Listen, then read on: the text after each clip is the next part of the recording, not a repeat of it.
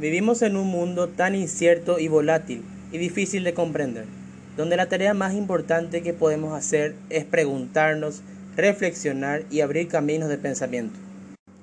La propagación de la enfermedad del COVID-19 ha interrumpido la economía global y las cadenas de suministro.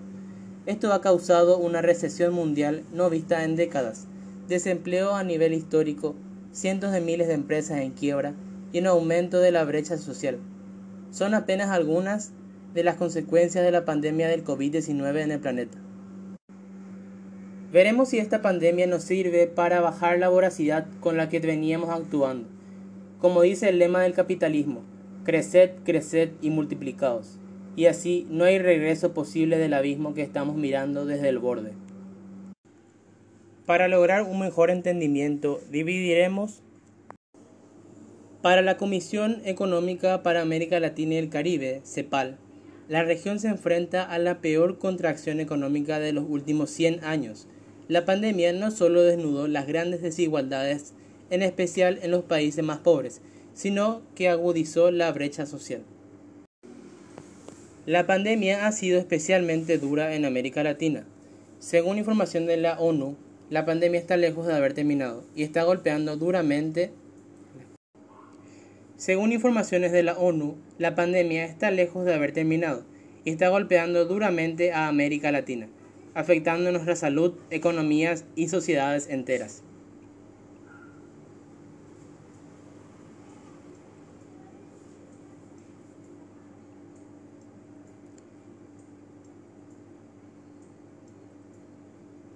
Para la Comisión Económica para América Latina y el Caribe, CEPAL, la región se enfrenta a la peor contracción económica de los últimos 100 años. La pandemia no solo desnudó las grandes desigualdades, en especial en los países más pobres, sino que agudizó la brecha social.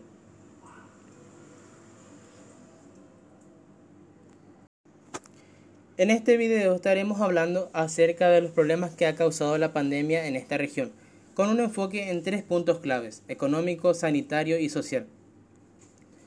También estaremos comentando acerca de los problemas que ha causado la pandemia y de aquellos que se originan no solo por causa de esta. Según el portal Our World in Data, tras dos años de inicio de la pandemia de COVID-19, hasta hoy se han confirmado 455 millones de casos y 6 millones de muertes en todo el mundo. Según ha dicho Naciones Unidas, en lo que va de la pandemia, los más afectados han sido los países en vía de desarrollo, y en especial las mujeres y los jóvenes. A pesar de ser una región alejada de China, América Latina y Caribe se convirtió en el epicentro del sufrimiento del COVID-19. Aproximadamente 153 millones de personas han sido vacunadas en las Américas, aunque solo el 21,6% de esta cifra pertenece a América Latina y el Caribe. En el caso de Paraguay, al menos 3.456.879 personas ya se han puesto al menos una dosis. En Brasil, más de 179 millones de personas ya se han puesto al menos una dosis. En cuanto a la economía, podemos hablar de una caída histórica de la actividad que ha causado el cierre de empresas, disminución del consumo y un hundimiento de la inversión y del comercio internacional. A nivel Latinoamérica, casi el 50% de la población ha recibido al menos una dosis. Según informaciones de la ONU y de la CEPAL, el impacto de la pandemia en el sector económico de América Latina ha sido mucho mayor que en otras regiones. Aproximadamente 205 millones de personas están desocupadas en el 2022, causando más pobreza y más desigualdad. Estas noticias no deberían sorprender debido a que la región siempre se ha caracterizado por ser una donde el trabajo informal es el mayoritario. En el caso de Paraguay, aproximadamente el 71% de trabajadores cumplen con este requisito. Según la Organización Internacional del Trabajo, tras dos años de pandemia, la recuperación del empleo ha sido insuficiente en América Latina y Caribe.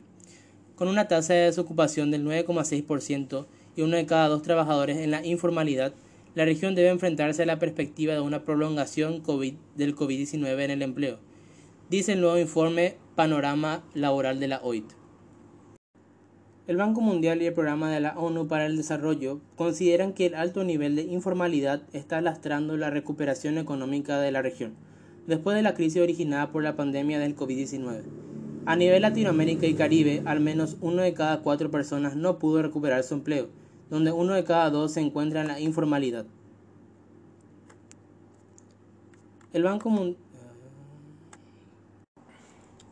Tras dos años de pandemia, la recuperación del empleo ha sido insuficiente en América Latina y Caribe, con una tasa de 9%.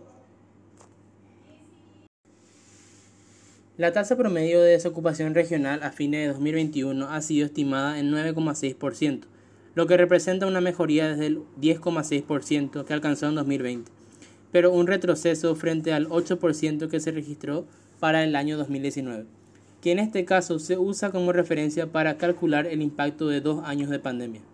También destaca la OIT que en este 2022 se reducirá la tasa de desempleo de la región en un 0,2 o 0,3%, pero que no disminuirá del 9%.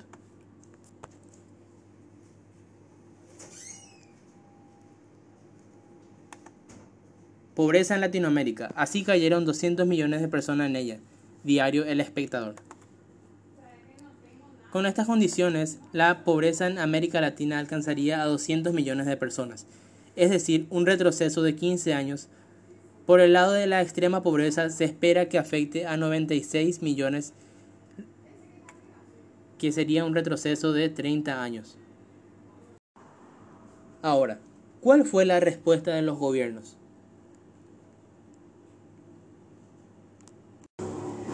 Como dijo el economista Oliver Blanchard, en ningún momento teníamos en cuenta que la economía se había enfrentado a un shock de oferta y no a uno de demanda. Por esta razón, estimular la demanda aún más cuando la oferta seguía muy limitada solo agravaba el problema, generando escasez en un mercado en el que la oferta ya de por sí y debido a ese shock era muy escasa. Por esta razón, en 2021, cuando la mayoría de empresas ya estaban funcionando, muchas familias se lanzaron a gastar lo ahorrado a lo largo de 2020 a la vez que los estímulos permitían a más consumidores endeudarse y consumir por encima de sus capacidades. Podemos decir que el sector más golpeado ha sido el turístico y el automovilístico. En el, en el caso del sector turístico, el 40% es compuesto por mujeres, lo que significa que este segmento de la población ha sido mayoritariamente más golpeado que el sector eh, masculino de trabajo sufriendo así una inflación del 7,2% a nivel general en la región, sin contar con casos crónicos como el de Argentina, Venezuela o Haití. En Estados Unidos, tomando de referencia a la nación más eh, potente en cuanto a lo económico del mundo, aumentó el índice general de precios al consumo al 6,8% interanual en noviembre, la tasa más alta desde 1982. Esto significa que a pesar de que la demanda haya sido aumentada, la oferta seguía siendo la misma, por lo tanto los precios aumentaban significativamente, sufriendo así la inflación del 7,2% a nivel general en la región, sin contar con casos crónicos como el de Argentina, Venezuela o Haití. En Estados Unidos, tomando de referencia como la mayor economía del mundo, aumentó en el índice general de precios al consumo IPC al 6,8% interanual en noviembre, la tasa más alta desde 1982. En diversos países de América Latina, la tasa fue desde el 3% hasta el 7%. Vivimos en un mundo tan incierto, tan volátil y tan difícil de comprender, donde la tarea más importante que podemos hacer es preguntarnos, reflexionar y abrir caminos de pensamiento. La pandemia del COVID-19 ha interrumpido la actividad económica y ha cortado la cadena de suministro. Esto ha causado una recesión a nivel mundial, con desempleo, aumento en la brecha social y empresas en quiebra. Esto quizás nos sirva para luchar contra esa frase tan típica del capitalismo, creced, creced y multiplicaos. El COVID-19 ha detenido la economía global y las cadenas de suministro.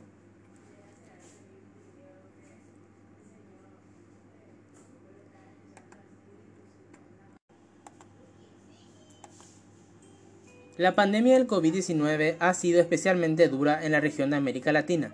Según informaciones de la ONU, la pandemia está lejos de haber terminado. Para la Comisión Económica para América Latina y el Caribe, CEPAL, la región se enfrenta a la peor contracción económica de los últimos 100 años. La pandemia no solo desnudó las grandes desigualdades, en especial en los países más pobres, sino que agudizó la brecha social. Por ello, en este video estaremos hablando para lograr, una mejor comprensión de lo que fue la pandemia del COVID-19, estaremos hablando de para lograr una mejor comprensión de este tema de la pandemia del COVID-19, para lograr una mejor comprensión de lo que fue la pandemia del COVID-19, estaremos hablando con un enfoque en tres puntos claves, económico, sanitario y social. A pesar de ser una región alejada de China, América Latina y Caribe se convirtió en el epicentro de sufrimiento del COVID-19. Aproximadamente 153 millones de personas han sido vacunadas en las Américas y apenas un 21,6% de esta cifra pertenece a América Latina y el Caribe. Por ejemplo, en Paraguay al menos 3.400.000 personas ya se han puesto al menos una dosis. En Brasil supera la cifra de 179 millones.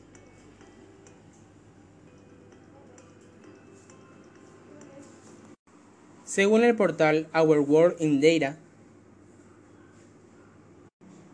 según el portal Our World in Data, tras dos años de inicio de la pandemia del COVID-19 hasta hoy, se han confirmado 455 millones de... Según el portal Our World in Data, tras dos años del inicio de la pandemia del COVID-19 hasta hoy, se han confirmado 455 millones de casos y 6 millones de muertes en todo el mundo.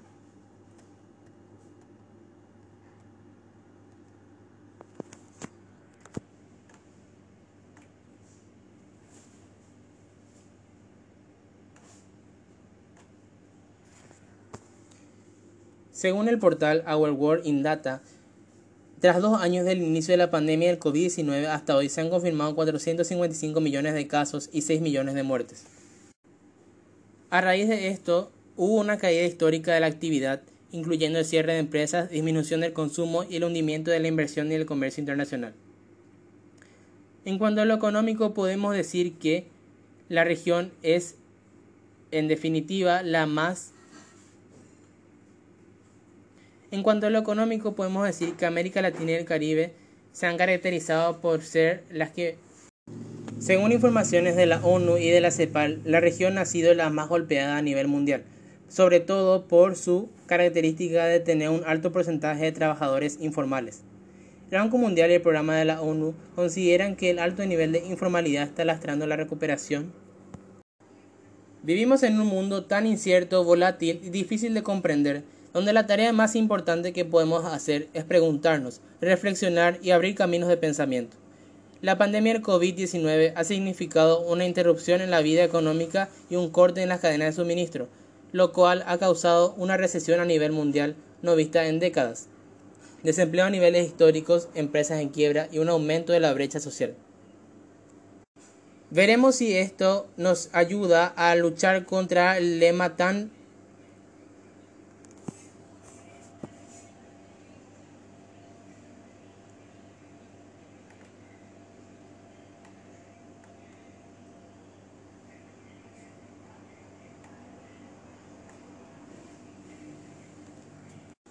Veremos si esto nos sirve para luchar contra el lema del capitalismo tan famoso, creced, creced y multiplicaos. El COVID-19 ha detenido la economía global y las cadenas de suministro. La pandemia del COVID-19 ha sido especialmente dura en América Latina y Caribe. Según informaciones de las Naciones Unidas, la pandemia está lejos de terminar y está golpeando duramente a la región.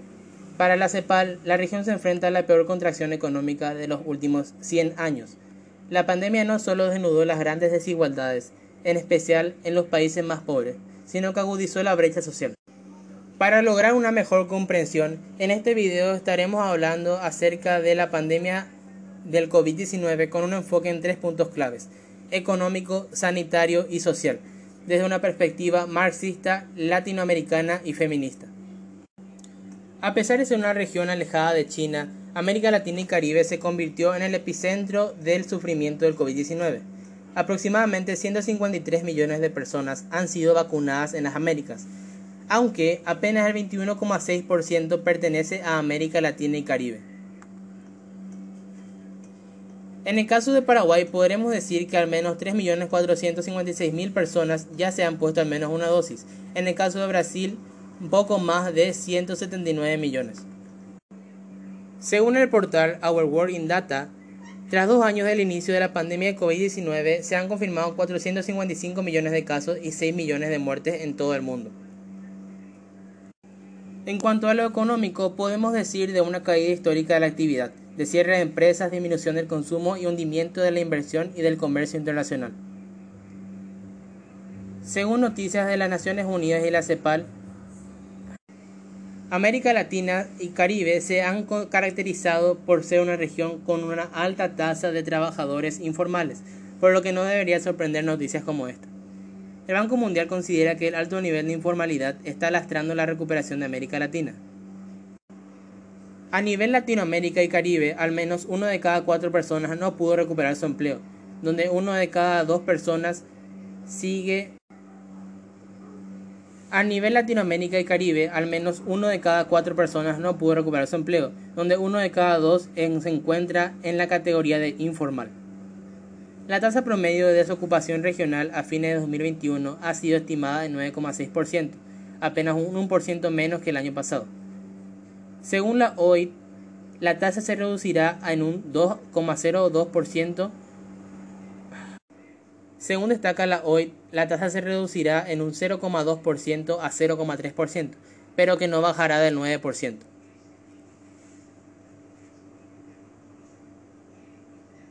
Con estas condiciones, la pobreza en América Latina alcanzaría los 200 millones de personas. Según información del espectador, aproximadamente 200 millones de personas entraban en pobreza. Por el lado de la pobreza extrema entraron 96 millones de personas. Ahora, ¿Cuál fue la respuesta de los gobiernos? En el caso de Paraguay se exoneraron y aplazaron el pago de servicios básicos como el agua y la luz por tres meses. Subsidios a familias paraguayas especialmente para cubrir la alta tasa de informales sin empleo.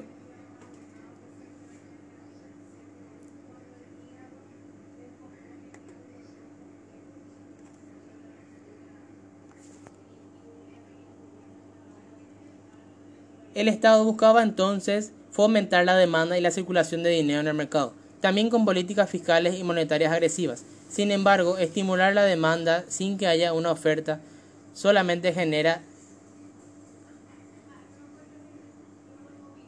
Sin embargo, estimular la demanda aún más cuando la oferta sigue limitada solamente crea